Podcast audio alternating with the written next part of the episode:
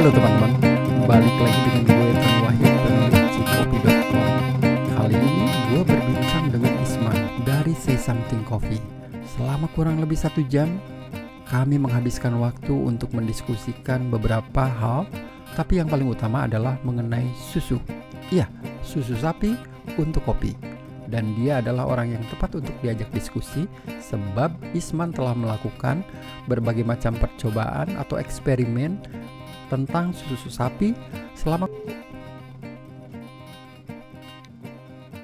Pak, maaf Pak baru ngabarin. nggak apa-apa. Isman Ram ngobrol sama eh, Trian dan Isman adalah salah seorang yang membantu Trian menjadi apa seperti menjadi juara. Lu udah mengantar dia menjadi seorang juara. Bantuin doang Pak, kita sama membantu. Dia sangat berterima kasih. Mm-mm. Udah nggak sibuk man? Udah bisa ngobrol ya? Iya makanya baru ingat. Oh iya pas tuh. Lalu sempet sakit. Oh, oh ya, oke. Iya. Kita ngobrol santai aja. Man, Oke. ya. Dari sekian banyak orang kopi yang gua kenal, banyaknya. Hanya satu yang ngulik tentang susu. Lu. Dan lu sangat serius nguliknya. Boleh diceritain nggak project susunya kan seperti apa? Oke. Nggak tahu ya mungkin ya orang juga mungkin kayak nilai kayak Pak Tony gitu ya, ini orang gila kali ya gitu. orang ngulik kopi saya ngulik susu. Iya, ya agak nyebrang sih Pak sebenarnya. Cuman awalnya emang berpikir kayak eh, industri sekarang tuh di coffee shop ya terutama ya 80% customer-nya kopi susu sih Pak. 80% Bener ya. Ya bener gak sih 80% gitu? Mungkin 10 90% kali kalau gua bilang. Ya, Mm-mm. ya kan 80% kayak kopi susu. Nah berawal sebenarnya kayak dari ya, ya kan waktu itu nggak tahu saya berangkatan dari barista dan masih barista gitu. Iya. sampai sekarang kayak mikirnya ketika ini fakta sih kayaknya sampai sekarang ketika ada ada satu cerita misalkan ada orang yang datang ke kedai gitu kan di mana pun misalkan kopi susu yang nggak enak eh kasarnya nggak enak dia nggak suka yang disalin baristanya pak secara logik dia mesen kopi susu nih misalkan gitu kan Iya. mesen kopi susu ya mungkin ukuran cup 5 oz, 6 oz, 7, 8 oz. Tapi kan espresso mungkin masih tetap sama ya, 30 mili ya. Iya, Nah, sisanya kan susu gitu kan. betul. Nah, terus menurut saya kayak, nggak fair nih kayaknya kalau nyariin barista nih gitu kan. Berawal dari situ, gitu kan. Kayak, oke nggak fair banget nih. Kalau nyariin barista, coba deh, eh, saya coba research sama nanya yang paling gampang adalah eh, apa sih beda arabica robusta, ketinggiannya berapa, eh, nyeduh kopi itu berapa gram, standar SCA-nya dari manual brewing, espresso, suhunya berapa, di manual brewing suhunya berapa di mesin espresso, terus eh, barnya berapa di mesin kopi, terus rasanya apa dari arabica robusta bedanya gimana bentuknya, dan mereka semua bisa jawab sih pak. Gak rasa semua barista tuh kayak keren gitu, pinter-pinter gitu. Tapi ketika ketika orang datang mesin kopi susu, yang eh, menurut saya sih ya, menurut saya pendapat saya yang espressonya sedikit dibanding susunya, ya enak tuh disalin barista. Saya bingung di situ kan, wah gitu kan. Padahal komponen paling banyak itu susu gitu. Logiknya nggak kena ya man ya? Iya, kan menurut saya nangkepnya di situ. Oh, akhirnya saya cari tahu lah si susu ini gitu. Itu dimulai tahun berapa tuh man? Empat tahun lalu kali pak. ya. Wow, lama tuh. empat tahun lalu ya empat tahun laluan gitu apa sih ngaruhnya semenjak eh, susu akhirnya saya coba cari tahu ternyata jadi sapinya banyak pak kalau Hmm. di kopi punya varietas nih yang nentuin rasa gitu kan Iya. kayak ya beda-beda eh, varietas terus si rasa kopinya juga beda gitu oh kopi ternyata ada varietas yang nentuin rasanya juga salah satunya kan. Iya. nah di sapi pun kayak gitu ternyata. Saya langsung wow gitu kan. Ternyata susu juga ngaruh nih gitu kan. Nggak sesimpel itu ya. Yap, uh, ternyata nggak sesimpel itu. Oh gitu. Jadi kalau yang saya udah riset ada delapan kategori sapi perah sih pak Hmm. di dunia ini gitu kan yang yang yang saya riset doang ya. Jadi ya Belanda Inggris terus Australia Skotlandia terus ada dari India gitu kan. Dan menurut saya kita sendiri kita punya sapi tapi kayaknya belum ada penghasil sapi perah ah, susunya gitu. Indonesia punya sapi sendiri tapi belum ada penghasil susunya gitu. Mhm.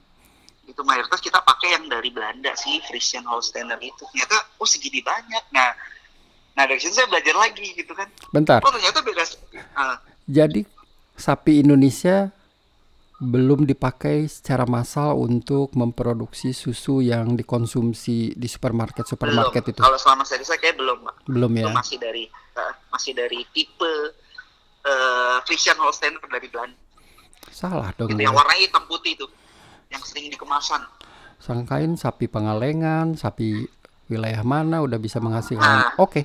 Nah, m- ya mungkin mungkin ya kita Sebagian, kitanya ya. ada, kita kita ngasilin ngasilin susu kita dari Pangalengan dari Mm-mm. eh, Bogor gitu ada. Cuman kayak jenis sapi aslinya tuh kayaknya emang bukan dari Indonesia sendiri pakainya, Oke. dari Belanda itu. Heeh. Jenis sapinya kita Holsteiner. ngomong ya. Oke, Ya, oke. eh, jenis sapinya kita nggak ada gitu buat sapi perah dan itu ada delapan yang saya temuin ada delapan gitu. Nah itu juga beda-beda lagi pak rasanya ya sama kayak misalkan si kopi tadi Mm-mm. Varietasnya beda, rasanya beda. Nah, di sapi pun untungnya nggak sebanyak varietas di kopi, Pak. Kalau nggak tambah pusing lagi ya. Bentar, dari 8 sapi itu lu udah cobain semuanya satu persatu? Udah, udah, Udah. udah, udah. Dan semuanya lu coba di Indonesia ada semuanya itu? Ada, ada yang ada yang nyarain. Oke. Kayaknya mereka buat sampel sih. Hmm, hmm, hmm. Saya juga keliling segala macam. Coba diulangi lagi, 8 itu dari mana aja, Man? Oke, 8 Friesian Holsteiner dari Belanda. Belanda, oke. Uh, Aussie Red dari Australia dengan Scandinavian tuh kawin silang gitu. Mm-mm, Terus Ilawara dari Australia. mm-mm, Terus Jersey itu dari eh, Inggris. mm-mm. udah terus ada Guernsey Guernsey itu dari timur Inggris pak ada pulau kecil namanya Channel Island Mhm, Channel Island kalau nggak salah ya Channel Island terus ada Aysire dari Skotlandia mhm, dari Skotlandia yang terakhir. Eh sorry ada Brown Swiss dari Swiss. Mhm. nah yang terakhir ada sapi tropis nih pertama kali yang waktu saya temuin.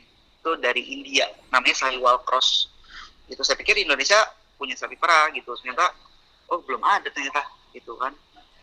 Kita punya sapi tapi kayak belum sampai ke situ gitu kan. Belum sampai ya. menurut saya sih. Ya nggak tahu sih kalau sekarang gimana. Gitu kan saya cobain. Ternyata beda-beda nih pak. Jadi Hmm. ada yang benar-benar khusus di milk. Emang khusus ini bagusnya di milk gitu. Ada yang benar bagusnya di keju ada yang benar bagusnya di yogurt gitu gitu jadi Enggak, beda-beda gitu. peruntukannya beda-beda ya. iya ternyata oh ini sama. Saya pikir gini saya nangkepnya wah ini sama kayak varietas kopi nih gitu kan. Mm-mm. ketika varietas kopi bisa nimbulin rasa yang beda juga oh di sapi juga ternyata gitu kan. Kalau dari sisi perbedaan fisik antara kedelapan jenis sapi itu, apa yang membedakan mereka? Ada yang menyolok nggak atau sama saja semuanya? dari segi rasa atau Fisiknya. ini- oh dari oh, Hmm. beda semua mbak Beda semua juga. beda semua delapan delapannya beda Mhm. delapan delapannya beda lucunya gitu sih emang ya nggak tahu ya ciptaan yang di atas mungkin ada jadi terus delapan delapannya beda Ada yang langsing, ada yang penuh mungkin kali ya. Nah, kayaknya kayaknya kalau sapi perah tuh gede-gede pak Gede-gede ya. Nah, karena dia nampung susu segala macam dan jalannya juga agak angkang dikit karena kan bawa kantong susunya yang gede gitu Oke, oke, oke. gitu dan itu rasanya beda-beda uniknya gitu uniknya di situ sih Hmm. ternyata wah ini kayak kurang lebih sama gitu kan Hmm, hmm, hmm. gitu Paling ya, kalau gua mau cerita tentang sapi versi gue adalah saat mahasiswa KKN misalnya di salah satu kota di Surabaya, eh, Jawa Timur.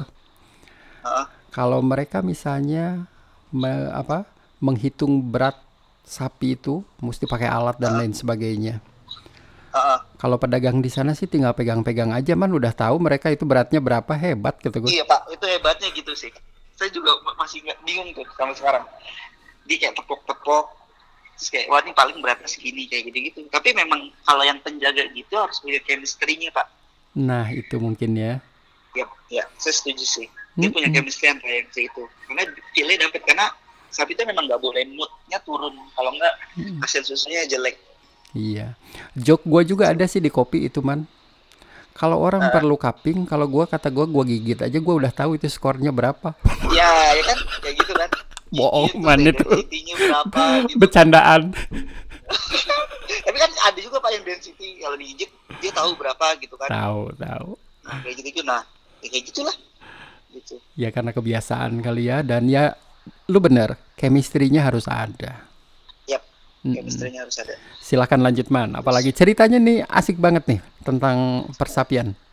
ya ya pada saya awalnya tadi ya gara-gara ya saya barista kenapa harus dikomplain? Karena menurut saya lu nggak masuk akal nih gitu kan. Komponennya banyak kan susu gitu kan.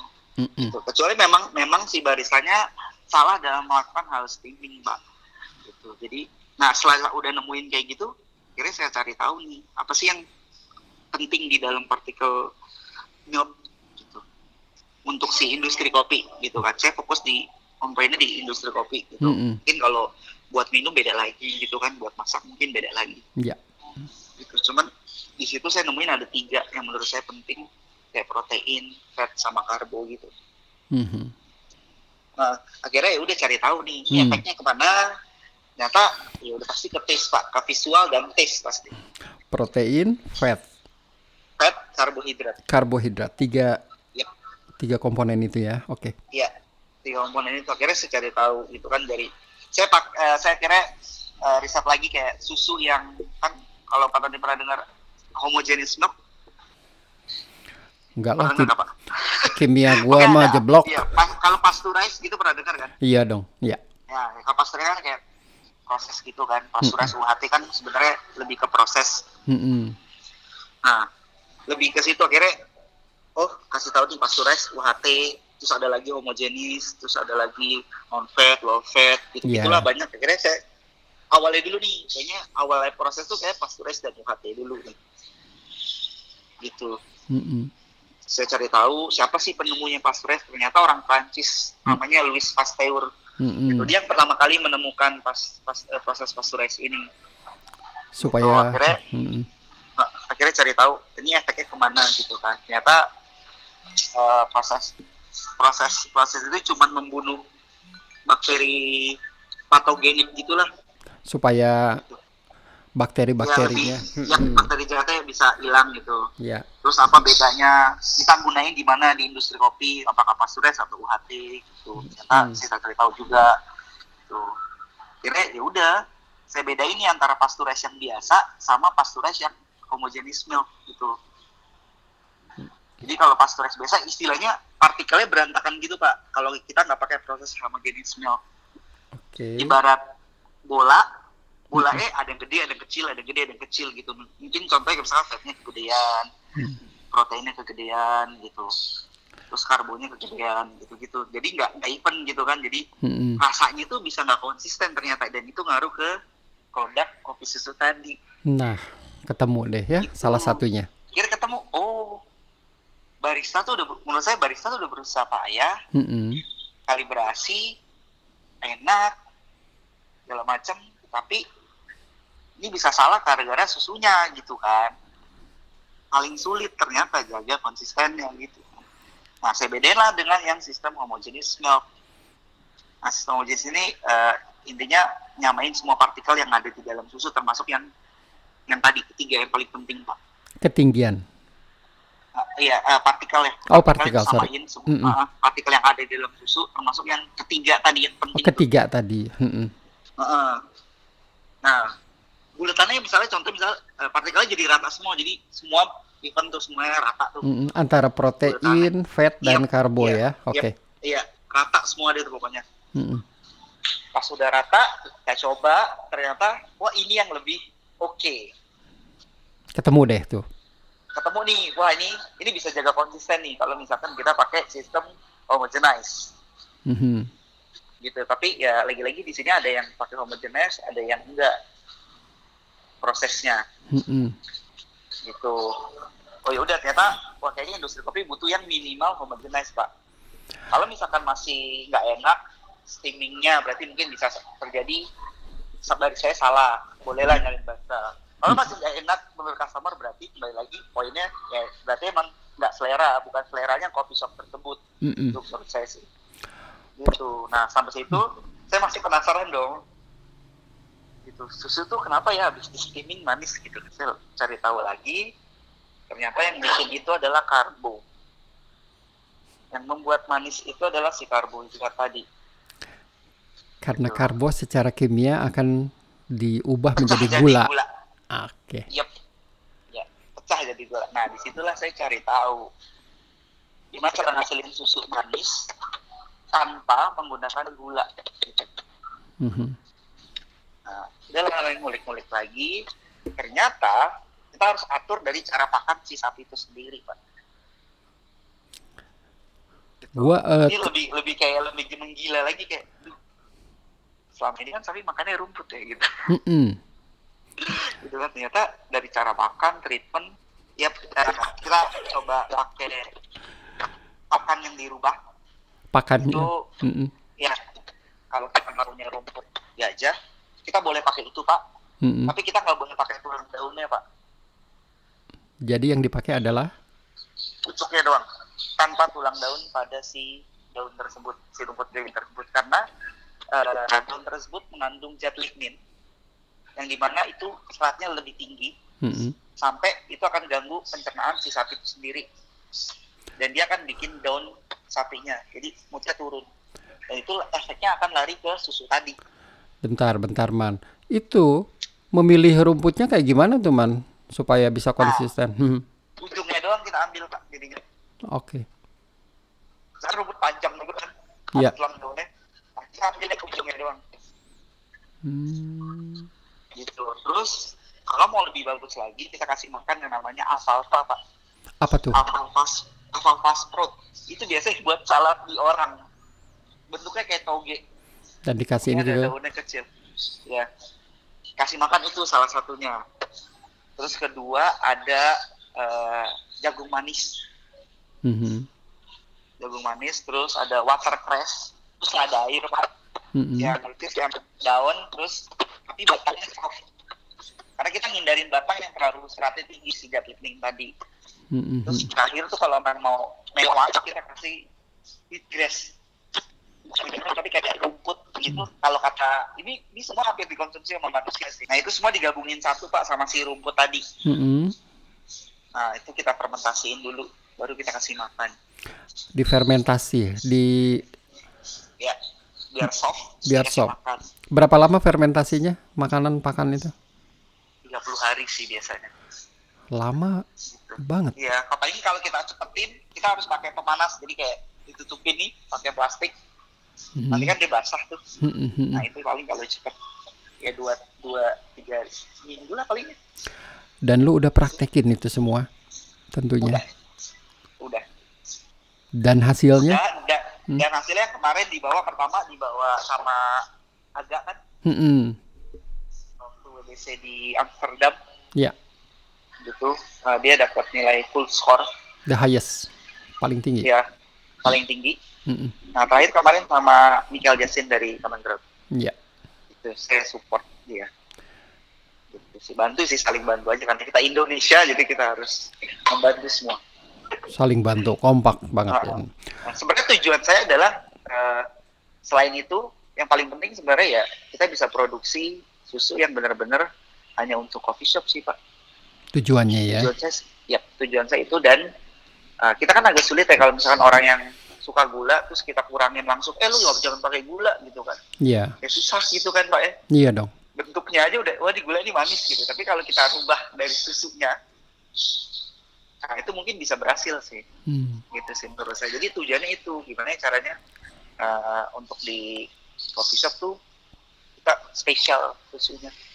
Gitu. tujuannya itu sih. Biar di Indonesia tuh harus dilihat gitu. Mm-mm. gitu kan oh Indonesia tuh bisa gitu kan? Gitu. Iya. itu sih. Dan lu adalah satu-satunya orang yang begitu apa Sampai segitunya menguliti tentang susu. Yang orang lain tuh nggak kepikir. iya makanya saya mikir "Duh, kayaknya pasar tuh masih kopi susu gitu loh. Iya. jadi saya mikir ya udahlah ya berawal dari tadi kenapa barista selalu disalahin? Gitu. Maksudnya kopi susu tapi itu disalahin gitu kan secara kalau ditanya kayak barista udah jago-jago kan sekarang kok gitu kan Hebatnya perkembangan barista di Indonesia. iya makanya oh udah pinter-pinter kok udah keren-keren Iya. masa masih disalahin gitu kan Iya, iya. gitu kan pasal pesannya kopi susu Betul. dari situ sih Nah, pertanyaan gue selanjutnya, komersialisasi sudah belum? belum Sebelum ya, ngomong ke sana. emang ke situ sih pak Iya, Situ jadi pas lagi awal agak dapat nilai full score gitu ada beberapa perusahaan yang memang hubungin saya sih tapi nggak tahu ya. Dibilang ya kita nggak pernah nggak boleh munafik ya kalau misalnya manusia tuh butuh uang gitu kan. Tapi tentu, tentu. yang hubungin saya waktu itu perusahaan luar sih. Oh, yang dari luar malahan. iya dari KL sama Singapura. Dari KL sama Singapura sama Singapura ya. Ngomong-ngomong udah dipatenkan belum? Formula formula susu lo udah dipatenkan belum? belum Patenin kayaknya ya, Man. Segera hubungi Pak Saki. iya nungguin komersil dulu kayak Pak baru dipatenin Enggak, kalau menurut gue lu patenin sekarang dulu. Jadi lu adalah pemegang hak patennya. Iya. Tapi ntar dalam 10 tahun belum ada yang komersil, sayang ya Pak. Kan lu yang mm, punya hak untuk komersialisasi kalau ada patennya. Sayangnya sih gitu sih. Hmm. Tapi anyway, Tapi saya lagi, lagi saya, saya lagi berpikir kayak pengen, saya harus tetap ngulik sampai sekarang Pak. Ketika nanti saya bikin komersil, apakah rasanya kayak gitu? Gitu kan? Karena ini skala gede kan. ya, Gitu kan biasanya orang kan dikit tuh lebih oke ketimbang tiba-tiba karena banyak kayak order, eh kayak kopi lah Pak gimana sih? Ketika ada satu orang ngambil kopi dikit, cakep nih itu oh, tiba-tiba permintaannya banyak. Nah pada akhirnya saya sendiri jadi misalkan manusia kadang emosional, udah produksi aja gitu kan. Mm-mm. Jadi nggak mentingin itu. Nah saya lagi mikirin gitu, takutnya namanya manusia ya kan Pak. ya. Gitu takutnya ya yang nggak bagus malah dijual juga. Sampai saat ini, eh, apakah ada penelitian-penelitian lain yang lo lakukan untuk lebih menyempurnakan produknya? Hmm, saya lagi pengen ngegabungin sapi Indo sama luar. Sapi itu, Karena mm-mm. ya jadi misalkan eh, kita ngambil dari contoh dari Belanda terus kita gabungin sama sapi kita nih. Mm-mm. Saya rasa sapi kita juga keluar susu Pak, cuman nggak tahu enak apa enggak gitu kan orang suka apa enggak kalau saya sih nggak suka gitu kan Mm-mm. Dan Nah, itu ini belum pernah itu saya- dicoba ya? apanya Udah pernah dicoba belum sebelumnya? udah udah saya coba Oh, udah set, udah dicoba. Oke. Iya. Wah, yang sapi sini udah coba.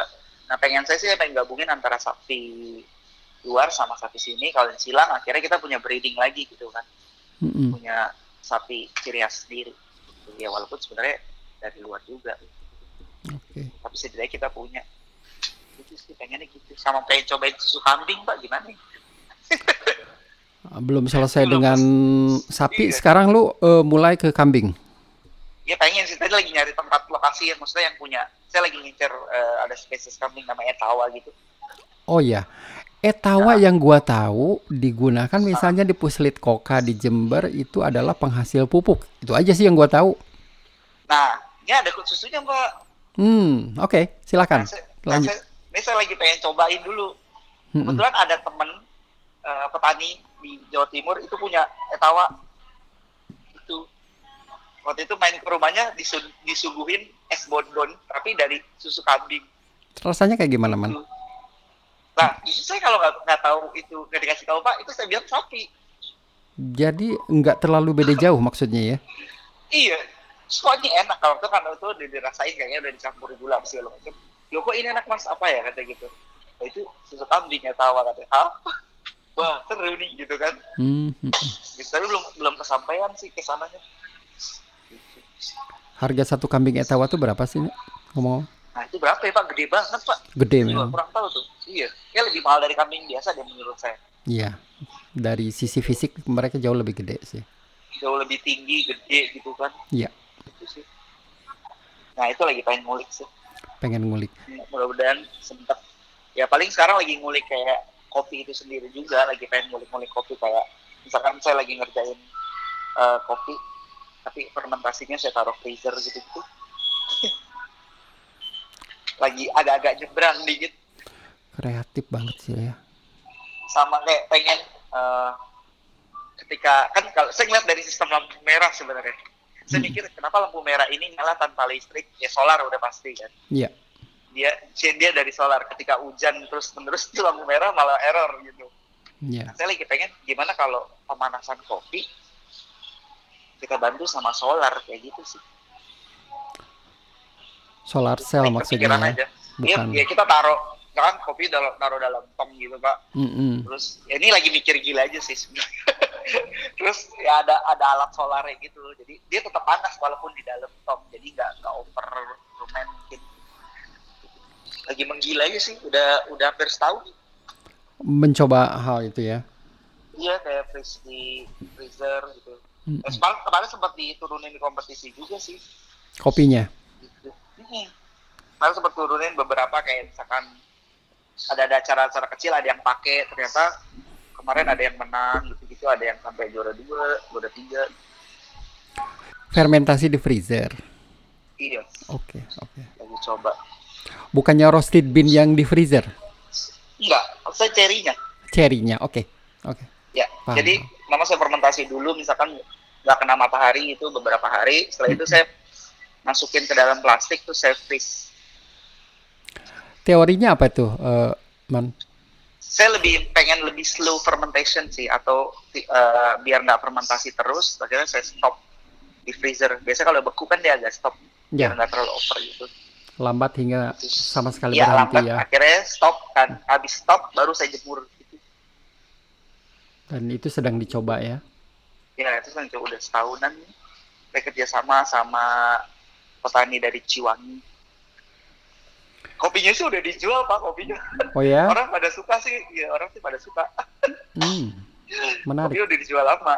Iya kopi udah dijual lama. Ini ntar Pak Tony cobain kali ya kalau ada lagi. Kayak habis lebaran Pak. Soalnya itu kan nggak banyak nggak banyak kan produksinya. Karena saya masih bingung gitu bukan ranah saya tuh. Ternyata wah petani hebat juga nih Mm-mm. gitu kan. Sepower ini gitu kan yang harus bulak balik tiap malam mungkin ya. Kalau saya ngerasain ya biar nggak over saya bulak balik jam satu malam. Waduh. Gitu kan harus harus ngebalik ngebalik ke kopi ya yang setiap 6 jam sekali saya bolak balik biar nggak terlalu over. Gitu kalau lagi dijemur gitu ternyata wah hebat juga nih petani di freezer Masing-masing suhunya di bawah nol dong ya? Yep yep yep berapa derajat itu di bawah nolnya minus empat. Minus 4 oke. Minus empat. Saya, saya coba minus empat. Ya lagi freezernya nggak ada yang gede-gede pak. Jadi kita nggak bisa produksi banyak. Tapi freezer kopinya sih udah dijual. Gitu. dari daerah mana itu man kopinya? Eh, Ciwangi Jawa Barat. Oh Ciwangi. Oke oke. Ciwangi ya. Heeh. Ciwangi Jawa Barat. Seru lah Jawa Barat. Terus eh, yang punya juga welcome itu kan, akhirnya ya udah. untuk mengadakan eksperimen mereka welcome terbuka Yap, ya. yap, ah, ya. Cobain aja man kata gitu. Ternyata ya kopinya udah kita jual juga. Kemarin saya sempat, ya kemarin anak saya sempat kompetisi bawa itu. di mana masuk masuk enam regional di IS. di is oke Iya, ada lagi prototype gitu. Ternyata, wah rasanya oke juga ya, gitu kan. Heeh. saya nggak tahu itu sah atau enggak tapi buat saya selama masih drinkable dan nggak nggak sampai bikin orang keracunan gitu Mm-mm. ya udah saya akan lanjutin gitu. Kan kalau kemarin tuh ada cerita sedih kayak misalnya kompetisi gara-gara yang nggak tahu sih orang bilangnya gara-gara saya bikin susu akhirnya semua mencoba kan pak? Iya. Gitu. Mencoba tapi nggak melakukan research gitu loh. Jadi yang hanya kasihan itu adalah jurinya. Mhm. dan akhirnya jurinya pada sakit perut kan. Gitu. Karena terkontaminasi. Iya karena menurut saya eh, bakteri bisa timbul dari udara gitu. Dan susu paling cepat buat timbulin bakteri. Berarti kalian kalau dibuka kan kemasannya. Hmm, mm-mm. dan Oke, waktu itu saya agak sedikit kesal ya saya posting please jangan kalau mau bikin bukannya saya nggak mau ditiru saya saya mau aja gitu. Berarti kan eh, bagus gitu loh. Iya. Bisa bisa menginspirasi gitu. Tapi liatin orang gitu kan. Betul, betul. Nggak sembarangan karena ya. Yap, ya karena kasihan gitu kan. Kadang gitu. Kayak sama sebenarnya kayak kopi aja sih Pak, kan setiap orang setiap eh, badannya kan kafeinnya beda-beda ya Pak ya. Betul, betul. Nah di susu tuh ada namanya colony form unit CFU gitu. Istilah nah, apa lagi setiap tuh? orang Hmm. beda-beda. Iya, jadi bakteri yang boleh masuk ke dalam tubuh. Oh, toleransinya Iya, iya toleransinya. Nah setiap orang beda-beda juga. nggak bisa disamain ya. kopi. Iya nggak bisa disamain. Sama lah persis kayak kopi sebenarnya susu. Ya udah. Nah mungkin orang nggak nggak mikir itu besok kompetisi hari ini bikin gitu kan misalkan. Ya udah akhirnya malah ngeracunin orang kan Iya, demi obsesi gitu. betul, betul, betul. Gitu sih. Terus, Saya pokoknya harus berpikir nyebrang aja lah. nah, out of the box. Project apa lagi? benar. Nah, eh, ke depan project apa lagi? Lu udah susu, kambing etawa, kemudian fermentasi pakai freezer. Apa lagi? Tahun ini kok gue kepikiran saya lagi fokus di kopi itu sih. itu pengen pengen ya fokus di fermentasi itu. Yang Ciwangi itu ya. Iya, si wangi itu. Makanya harus kayak, ya saya harus mikirnya kayak, kenapa orang lain bisa, kok kita nggak bisa gitu kan?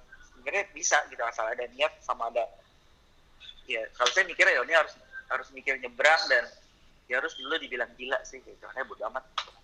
Itu sih kalau saya. Iya. Gitu. Yang jelas sebelum nyampe ke orang, saya harus cobain dulu. Gitu. Biar ini drinkable atau enggak, terus membahayakan atau enggak. Dengan agak mendapatkan skor tertinggi, at least itu jadi sebuah pembenaran teori Iya. teori yang lo punya itu. Ya. Tinggal nanti komersialisasinya, paten dan lain Iya. sebagainya ya. Iya, tinggal nungguin nanti ya.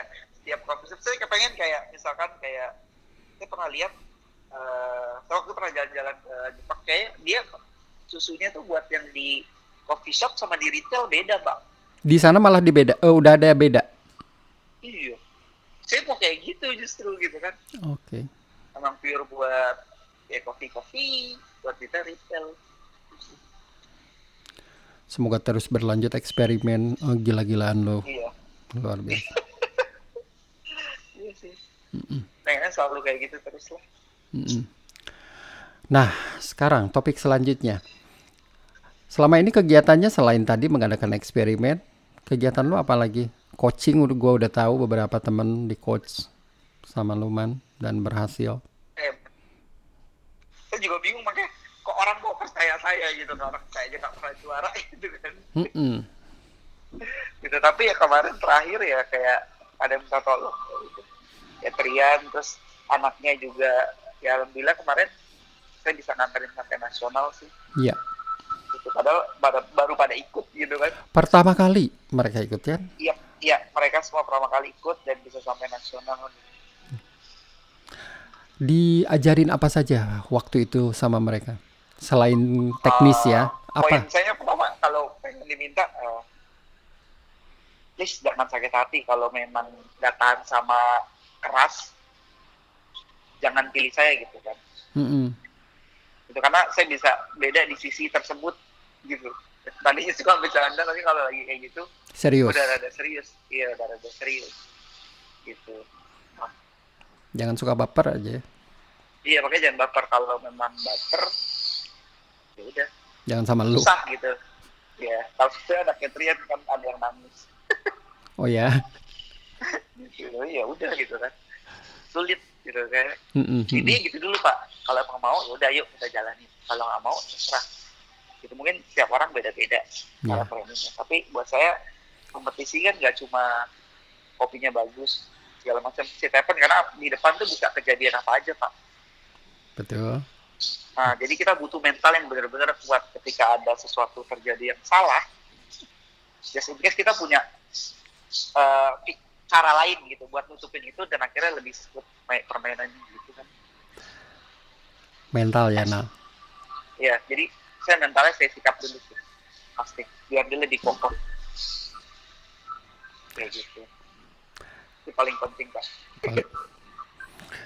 Nah, itu masalah coaching nih. Lu juga kan aktif konsultan nih iya untuk orang-orang yang mau membangun bisnis kopi. Ya. Nah, pengalamannya nih, Man. Pengalaman lu ya. Apa sih yang biasanya mereka inginkan dan apa yang lu kasihkan biasanya untuk yang membangun bisnis kopi? Kalau saya sih kalau kenapa mau bikin coffee shop gitu. Apalagi kalau misalkan ya kan ada yang beda, ada yang punya uang Hmm. tapi dia nggak mau nggak mau nyemplung di industrinya tuh sebenarnya agak sulit sih kak. Dia kalau mau bisnis kayaknya harus nyemplung di industrinya dulu. Tapi ngomong-ngomong banyak nggak yang kayak gitu, eh, Man? Kayaknya banyak ya. Banyak pak. Pemodal, Kalau saya sih ya. kalau saya pribadi eh, bukan ya tadi berarti bukan dari sekedar itu takutnya saya rada beban aja sih itu kan bikinin orang tapi dia nggak nyampe di Kopinya, industrinya agak per- sulit ya akhirnya ya produk. udahlah saya nggak bisa gitu. Paling saya nggak bisa. Walaupun imbalannya cukup gede misalnya. wah ya walaupun dia ngerti saya paling ada pertanyaan yang paling kenapa mau bikin coffee shop? Nah, Tuh. mhm, apa yang apa yang bikin customer datang ke tempat lo nanti kalau misalkan lo mau bikin coffee shop? Saya selalu bilang gitu. Mhm. kalau dan dibilang hmm, oh kopinya enak. Enggak semua orang bisa nyeduh kopi enak gitu kan. Ya, barista-barista sekarang juga bisa nyeduh kopi enak gitu home brewer aja bisa nyeduh kopi enak ya. kayak gitu Oh, kalau jawabannya kayak nggak pasti ya nggak mau juga lagi liter takut beban Jadi mesti ada jawaban lain yang misalnya membedakan Iya. coffee shop lu Iya. sama yang lain, produknya Kenapa? misalnya. Data, misalkan contoh gue mau internet gue nggak bakal putus walaupun ada geledek petir dan sebagainya gitu kan Contohnya ya. ayo gitu kan Mm-mm. kita bikin kan. Kan orang ya wah lo harus ke coffee shop ini nih gitu kan. Lo eh, main di internet gak bakal kelar-kelar nih eh, sinyalnya gak bakal rusak gitu kan. Ya. misalkan oke gue harus ke coffee shop ini. Mungkin apa tempatnya bagus gitu kan. Instagramer gitu kan. Duduk di mana aja bisa dipoto gitu kan. Ya. ayo gitu. Nggak harus kopi baru saya bantuin pak Mhm, mhm. Tapi banyak nggak yang kasus lu nemuin, ah gua nggak mau tahu, lu aja beresin masalah-masalah gituan. nah iya itu banyak udah saya udah langsung sebel pak Pokoknya gua punya duit, lu jadiin tuh coffee shop. Iya. nah nggak mau pak Nggak mau ya? kayak gitu saya nggak mau udah pasti udah saya sebel langsung karena ya nggak tahu ya maaf ya, tapi saya menurut saya kalau dia udah kayak gitu dia anggap saya kacung pasti Oke. Udah nggak kayak udah kayak pembantu udah udah pasti saya nggak mau deh karena jalannya nggak enak pak pasti nanti Oke. gitu tapi kalau udah jadi terus misalkan namanya coffee shop kan kalau baru awal bukaan pasti nggak gitu rame ya pak ya. Iya, biasanya sih. nah itu pasti tadi gimana nih nggak rame lah kalau mau buka rame langsung gimana bingung juga kan gitu kan Tuntutan seperti itu selalu ada ya, Man ya. iya kalau ada ya Pengen langsung makanya saya ramai. kalau melihat melihat bisnis itu jalan atau enggak saya lihat setelah enam bulan Mhm. gitu. Jadi kalau misalkan bikin sesuatu kayak saya harus ada spare uang misalkan untuk enam bulan ini gimana reviewnya? Jadi ada buat nutupin bleeding sampai enam bulan. Kalau masih lebih sampai enam bulan oh berarti ini kurang bagus nih. Salah strategik misalkan gitu. Dievaluasi lagi. ya dievaluasi lagi. Karena menurut saya yang paling penting ya customer building tadi.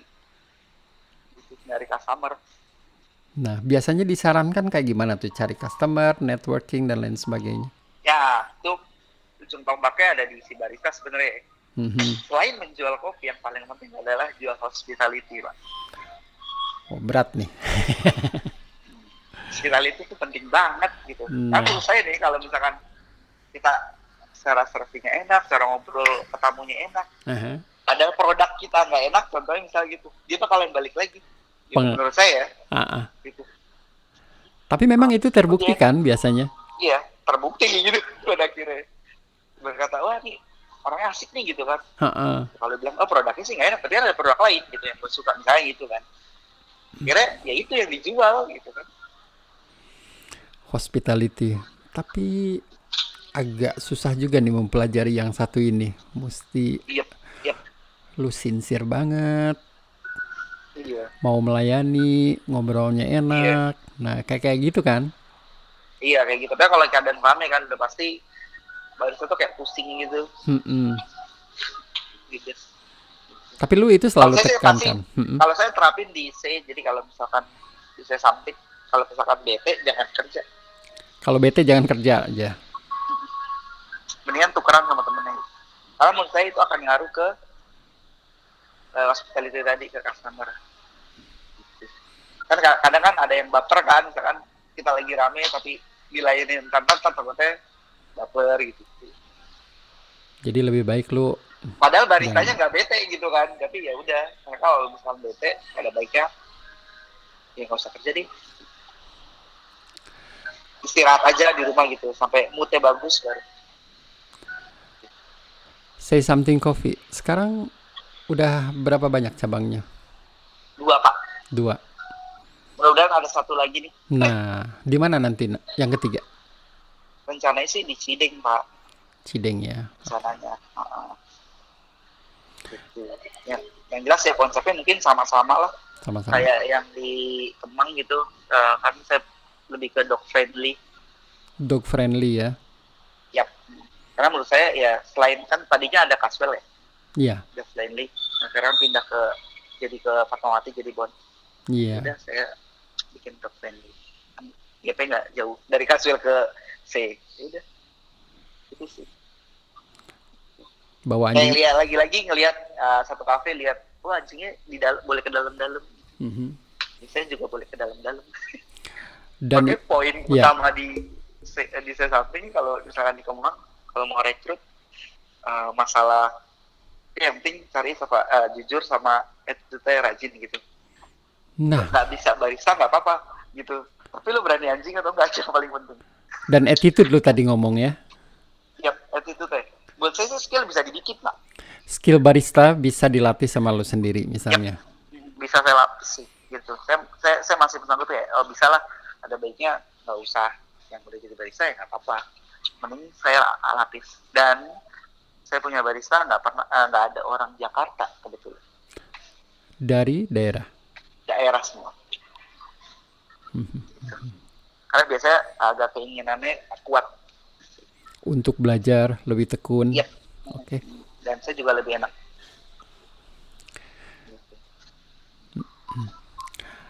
lu udah bertahun-tahun buka say something kopi apa sih pelajaran penting membuka kafe buat buat lu tuh man secara pribadi? Pelajaran paling penting adalah ah, gimana kafe ini tetap terus berjalan mm -mm. seumur hidup. nah, harus memikirkan itu sih. Jadi lu harus terus berpikir. Sampai sekarang. Yap, gimana ya, mungkin cari inovasi gitu kan. Mm -mm. Apa yang apa yang belum ada gitu. Kan kita masih tipikal orang yang di Indonesia masih orang yang penasaran kan so, kalau ada ini uh langsung gitu rame Tapi, ya. saya juga nggak mau kayak misalkan bisnisnya misalkan baru buka rame banget pak mm-hmm. rame terus tiba-tiba kayak prosotan gitu. Mm-hmm. nah itu yang itu yang saya ada hindari. Kan banyak banget tuh bisnis kayak misalkan baru buka nih wow rame terus akhirnya tiba merosot. Nah kalau saya lebih mendingan rata aja. Tapi tetap terus bertahan. Tapi growth pelan-pelan ya. Yeah. bertahan growth pelan-pelan gitu sih.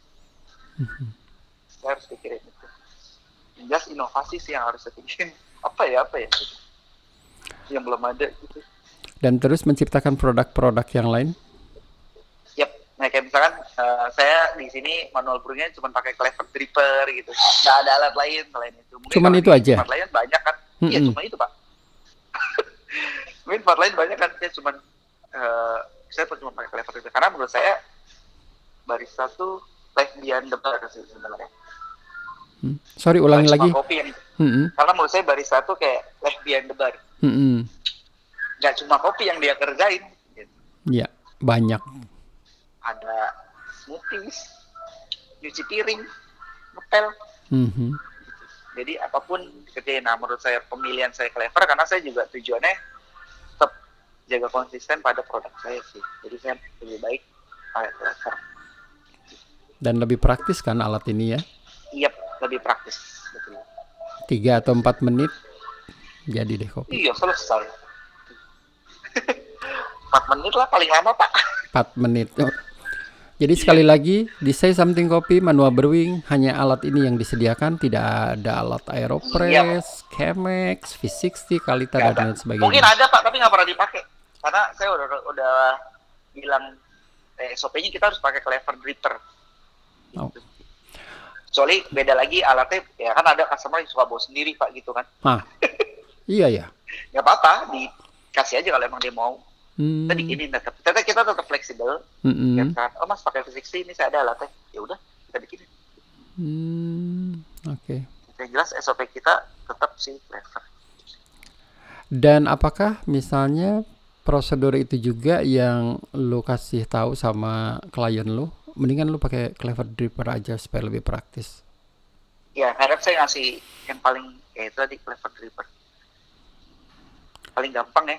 Karena ada ada alat yang mirip-mirip pak, yang kayak clever dripper namanya December drip dari Korea. Itu juga bagus sih menurut saya. Nah, gua belum Ini- Nah, ya buka tutup gitu kayak clever dripper. Hmm, Jadi di hmm, hold dulu terus baru diocorin gitu lah. hmm, hmm. Itu juga lucu sih. Saya juga lagi ngulik. Lu udah ada ya alatnya? Udah ada. Hmm. Boleh lah kapan-kapan gua ulik juga. Iya pak, ada nih pak. Gagal. Gampang. Saya lagi ngulik. Hmm. Bentuknya kayak kalita pak bentuknya. Bentuknya kayak kalita ya. Oke. Iya, tapi dia ada bisa diputar-putar gitu, bisa ditutup, bisa dibuka. Oke. Tapi gua setuju karena kalau gua di rumah sih kan ya ya pakai clever dripper ya paling praktis, diamin aja udah nunggu pakai Iya, alarm. diamin gitu kan. Sekarang kita kan berpikir kalau saya berpikir realnya aja gitu. Mm-mm. Kalau di kompetisi boleh lah gitu. Iya. kan. Eh, pakai yang lain, tapi ya lagi-lagi kemarin saya kompetisi pakai clever dripper pak. Kompetisi pakai clever dripper. Iya anak saya pakai clever dripper. Saya bilang, ya anak saya bilang ya kenapa nggak pakai alat lain gitu.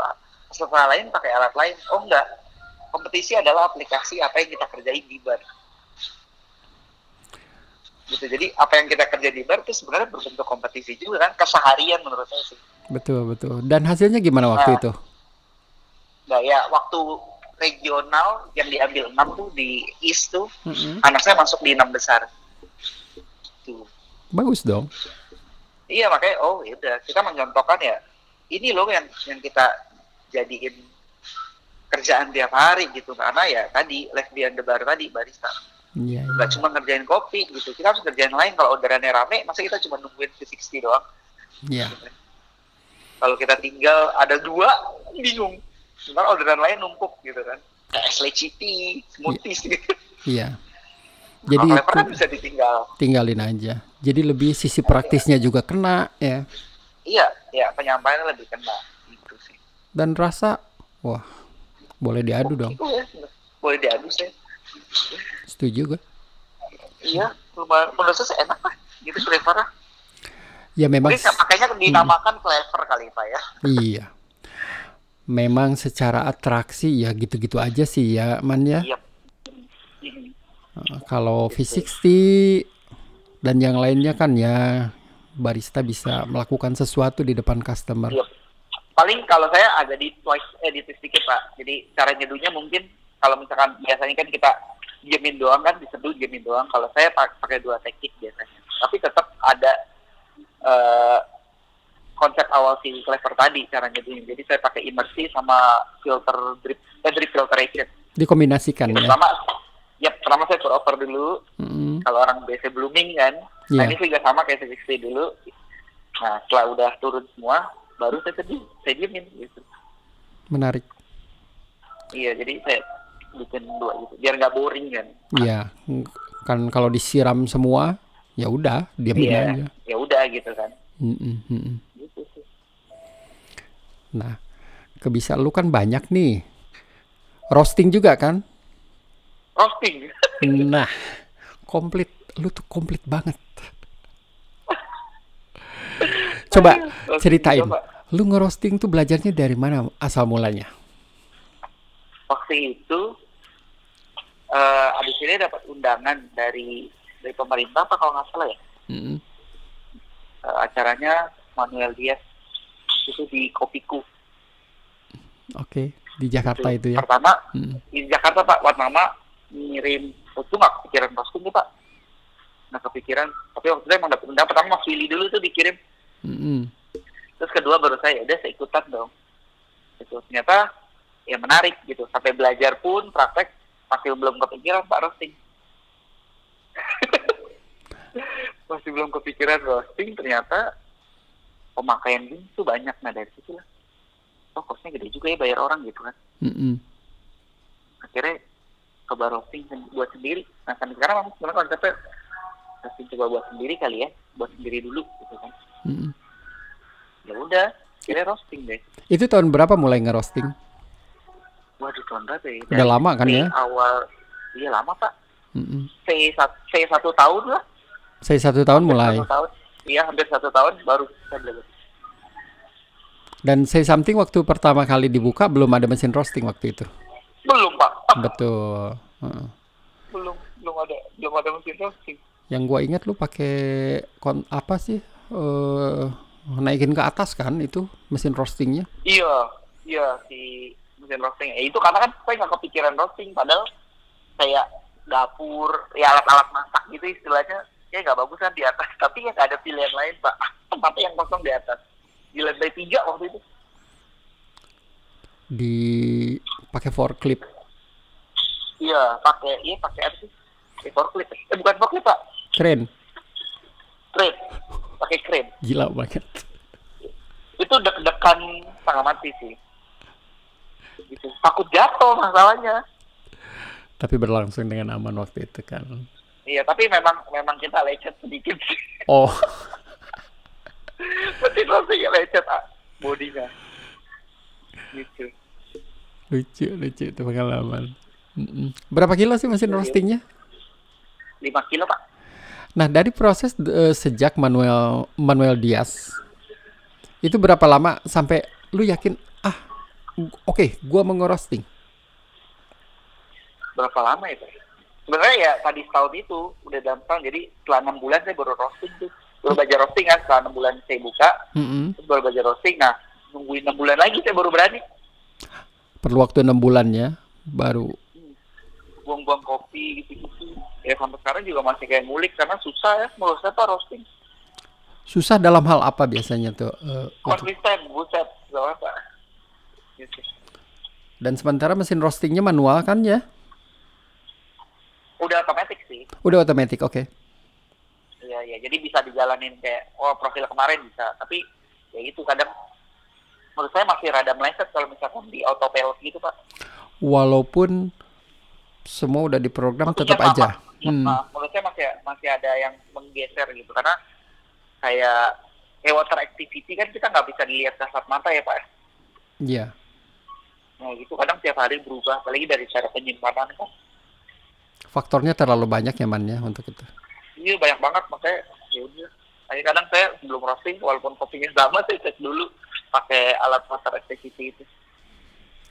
Sejauh ini kopinya eh, dibuat untuk kebutuhan say something atau lu jual juga kan ke pasar? Pada akhirnya sekarang banyak yang pesen Mhm. untuk bikin blend sendiri. Karena Nah, uh, tapi ya intinya poinnya tadi biasanya orang datang mau yang kayak gimana baru saya buatin. Jadi menurut saya gini kalau coffee shop uh, ngambil blend yang udah ada, bahkan ngambil ke sini tapi saya pakai juga gitu terus buat di coffee shop itu. Menurut saya nggak di- jadi nggak ada identitinya pak coffee shop yang ambil gitu karena bisa ada gitu. gitu ya. Walaupun sebenarnya ya cara seduhannya beda. Hmm. Gitu. kadang saya tawarin mau bikin blend gitu kan itu sih saya poin pertama Dan klien lu juga banyak di roasting ini tentunya. iya pak daerah terutama Daerah ya.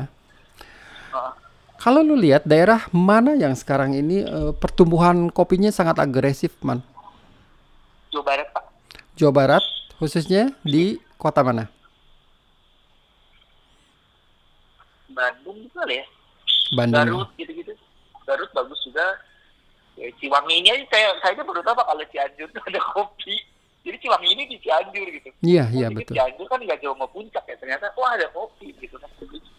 Jawa Barat sih lucu-lucu banget Pertumbuhannya bagus ya. Maksudnya ya cepat dan deket pak dekat dengan Jakarta. bagus deket kosnya pasti lebih murah kan Iya. happy buat roastery Iya. gitu sih Lu selain kopi lokal juga ngerosting kopi-kopi luar juga? intinya saya lokal terutama saya lokal dulu Lokal dulu. Oke.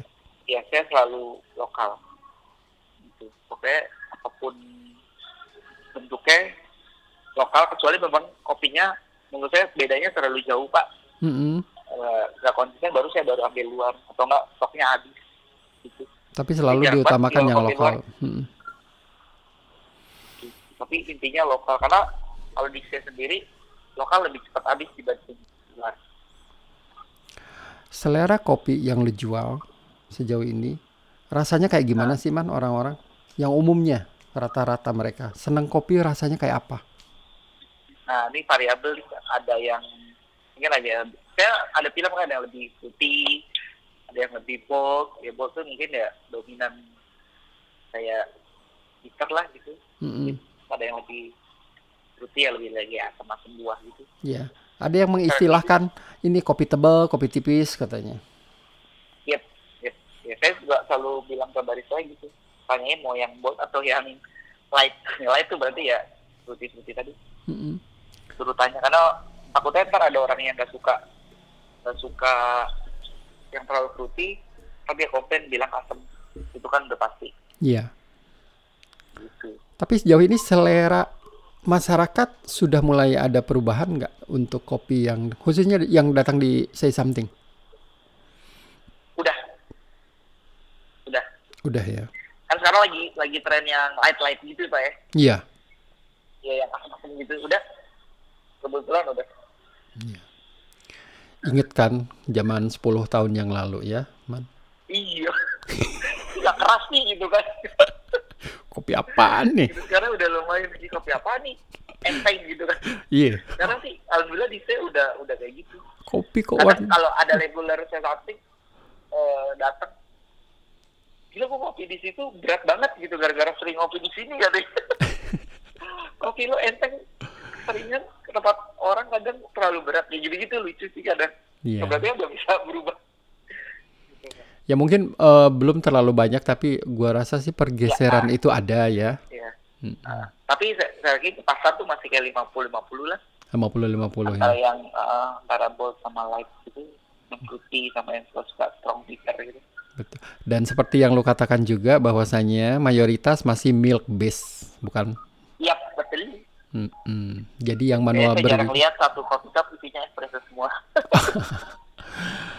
dan yang manual brewing juga nggak belum terlalu banyak kayaknya yamannya. belum terlalu banyak ya paling biasanya kayak ada kedai manual brewing gitu-gitu yang cuma memang jual manual brewing doang gitu. Mm. Dari sisi bisnis man, yang dari kalau hanya manual brewing aja, mereka bisa dong berbisnis itu juga. bisa banget pak Nah. bisa banget iya itu tadi kan kalau dia bisa nge-package-nya bagus kan cara presentasiin gitu ke customer Mm-mm. orang happy pasti balik Dan lu udah bisa menyaksikan banyak warung kopi yang hanya menyediakan kopi itu aja berhasil ya man. yo pak Tapi ya, banget ya. Dan kembali yang lu katakan packagingnya mesti kayak gimana nih? Iya, uh, cara pembawaannya. Banyak tuh yang berhasil Mm-mm. buka aja kayak gitu. Tapi yang lu katakan memang penting, hospitality, attitude misalnya, Iya. dua hal yang Yap, yap. buat gua itu eh, itu faktor yang nggak gampang. Iya, paling susah. Pengalaman lu juga sama untuk gimana orang supaya bisa hospitality yang bagus. Iya, Oke, itu yang paling penting tuh, Pak.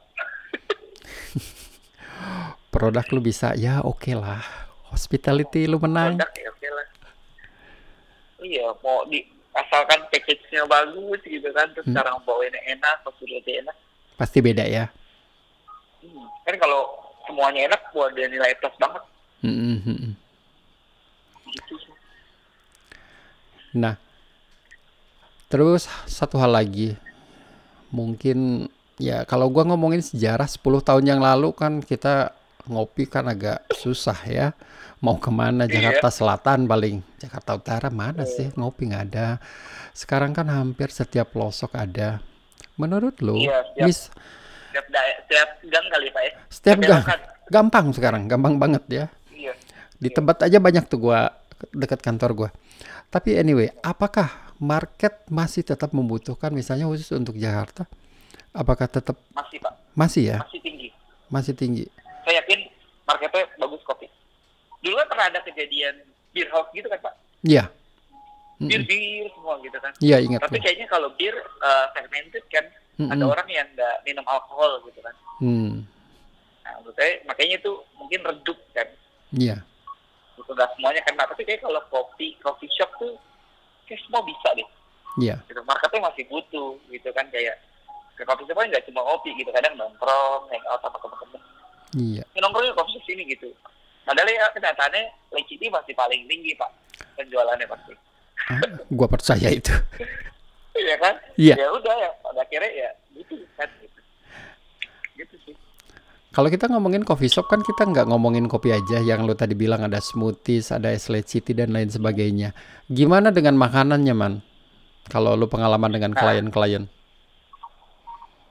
Makanan juga penting sih kadang orang juga iseng kan pengen dari manusia pengen makan. Minimal cemilan sih pak ya. Cemilan harus ada ya. Eh, tapi buat saya kayak eh, pengalaman dari saya sih kayaknya kalau mau bikin coffee shop ada makanannya itu harus keluarnya barengan pak. Hmm, hmm, hmm. Dalam arti nggak boleh misalnya coffee shop dulu. Kalau menurut pengalaman terus baru lama makanannya baru launching gitu kan. Gapnya dua bulan tiga bulan gitu Jadi lu sarankan lebih baik barengan aja semuanya, Barengan. dikeluarin ya, karena ya. saya belajar dari pengalaman sih di say something yang pertama tuh makanannya telat Telat berapa lama waktu itu di sana? telatnya cuma dua bulan Dua bulan. makanannya cuma pastry doang terus Hmm, pada akhirnya pas kita launching makanan ya orang nggak ada yang ngelirik karena taunya di situ ngopi sama kue telat Sebenarnya gue makanan Mm-mm. juga sih, cuman kayak makanan berat kan kayak buat saya bisa ngebos uh, sales kan gitu kan. Ketika semuanya orang datang ke coffee shop bisa makan, Mm-mm. nge-cake, minum kopi sambil kerja segala macam kan udah satu paket gitu kan. Dan itu sah-sah saja ya, Man ya. Rasa aja. Nah, Betul. makanya saya, saya pikir oke. Akhirnya yang kedua saya bikin eh tar dulu deh gitu kan. Waktu itu di yang kedua juga terhambat gara-gara cup. Terlambat cup datang atau apa? Cupnya doang belum nyampe. Ah, Itu kecelakaannya. Ya udah saya discuss sama partner tar aja dulu gitu kan kita harus belajar dari awal Hmm, nah, mm-mm. sampai KP datang baru kita buka Hmm, hmm. ya sampai semuanya rapi baru Makanan berat yang biasanya lu usulkan apa sih yang cocok dengan coffee shop? coffee shop ya nih kalau saya lihat dari identik tipikal orang Asian ya Mm-mm. kita harus masih kena nasi pak gimana dong ibarat kalau nggak kena nasi nggak makan itu kan Jadi menu nasi wajib diadakan tuh ya nasi itu wajib diadakan dalam berbagai bentuknya ya. ya dalam ya itu tadi ya gitu. kalau nggak makan nasi nggak makan Iya, gua setuju Iya, itu. nasi. ya mungkin kita bisa dimodif-modif dikit gitu nasinya Hmm. pakai apa Mm-mm. Selain nasi apa lagi yang biasanya untuk yang makanan berat? roti ya Roti ya. Ya roti mungkin lebih dibikin kayak hamburger gitu kali ya. Mm-mm. burger gitu. Ya kayak gitu gitu lah. Terus croissant dimodif-modif jadi ada daging-dagingnya. Mungkin itu lumayan berat. Iya, Kayak gitu. pizza atau gitu kan. Iya. sebenarnya nyambung nggak nyambung sih Pak, tapi kita butuh kayak gitu Makanya, Iya, kalau orang kan nggak mungkin ngopi aja kan ya di yap. coffee shop. Mereka pengen masukkan yang lain. Makan gitu kan kayak waktu itu kan Pak pernah main ke satu shop yang ada nasi padang ya kan Oh iya, Ada. ada. Kayak gitu kan iya Menarik buat gua sih. menarik mbak berarti juga menarik gitu kan Mm-mm. unik gitu kan Iya. ketika banyak bumbu-bumbu di dalam makanan padang ada kopi gitu. Mm-mm. Klop sih. Lo nasi kan Tips yang sangat bagus, man. Jadi coffee shop nasi lu wajib adain deh, gitu ya. Ya wajib ada itu. minimal tiga pak Oh, minimal tiga menu lah gitu kan tiga ya menu. mungkin nasinya sih tetap nasi gitu paling ya atas atasnya jadi diganti Betul, betul. Mungkin yang jelas sih nasi sih soalnya kemarin eh, di saya samping sendiri tuh tadinya kebanyakan brand kan Mm-mm. ala ala bule gitu lah Oh, western food Memang maksudnya. ya western itu tapi kan dikembang lagi marketnya memang ada bule ada lokal juga hmm, hmm. dan eh, setelah tahun kita lihat ternyata banyak yang nanya "Ma, nasi jadi kita rubah deh itu Komposisinya ya. yap kita rubah kira ini yang kita nggak yang hilang kurang nih mana akhirnya kita ganti deh nasi nah, saya keluarin lah nasi goreng ikan Hmm. asin dan itu juara Juara. Maksudnya jadi eh, salah satu menu yang paling banyak dipesan. Iya pada akhirnya oh nasi ikan asin tuh masih oke ya di Jakarta gitu kan Hmm. biasanya kalau orang itu ngomongin ikan asin kan ada yang lain enggak pak gitu kan Iya. cuman mungkin namanya diganti kali saya jadi jadi ancovi mungkin Ya itu masalah packaging aja kali ya man ya. iya kan Iya. nasi goreng ancovi gitu padahal ujung-ujung itu ikan asin sebenarnya gitu kan Ya, gimmick marketing ya, gue setuju sih. Man lu tahu ini perbincangan udah berapa lama? Satu jam lebih. Dan ini mungkin perbincangan yang sama panjangnya waktu gua berbincang sama Hendra Maulizar petani di Gayo. oh iya iya Ah, Mas Hendra Mm-mm. Tapi man, thank you banget. Lu orang yang Oke. paling kreatif, yang berpikir out of the box. Lu apa juga inspiratif Alah. Lu tahu tuh, gua tuh Isman ke susu. Hmm, boleh juga kata gua. Tapi satu hal gua kagum itu man, eh, jadi jangan berhenti untuk berinovasi. Memikirkan hal yang baru lagi, yang lain. Yang kayak tadi kambing etawa. Siapa sih yang mikirin? itu kambing, pengen nextnya tuh kambing itu gua tahu itu hanya digunakan kotorannya saja untuk pupuk kebun kopi. Supaya Iya, ada pak ada yang pernah kok di Jawa Timur ya, ada yang perah ya. Iya Iya. susunya Makanya. Saya udah coba. Lu bilang di perah susunya wah. Ya jadi mungkin pe- perbincangan ini banyak banget ilmunya. Gua sih ternganga-nganga aja pura-pura paham mengenai protein fat karbohidrat di susu. Padahal gua baru tahu sekarang dari lu juga. Ya. ditunggu inovasi selanjutnya dan makasih banget oke pak. udah podcast makasih sama pak gue sama-sama lo pak No, gue yang makasih man dan tetap sukses. Terus ya udah itu aja kali ya. Nanti kita ngobrol lagi. Thank you banget Pak. man.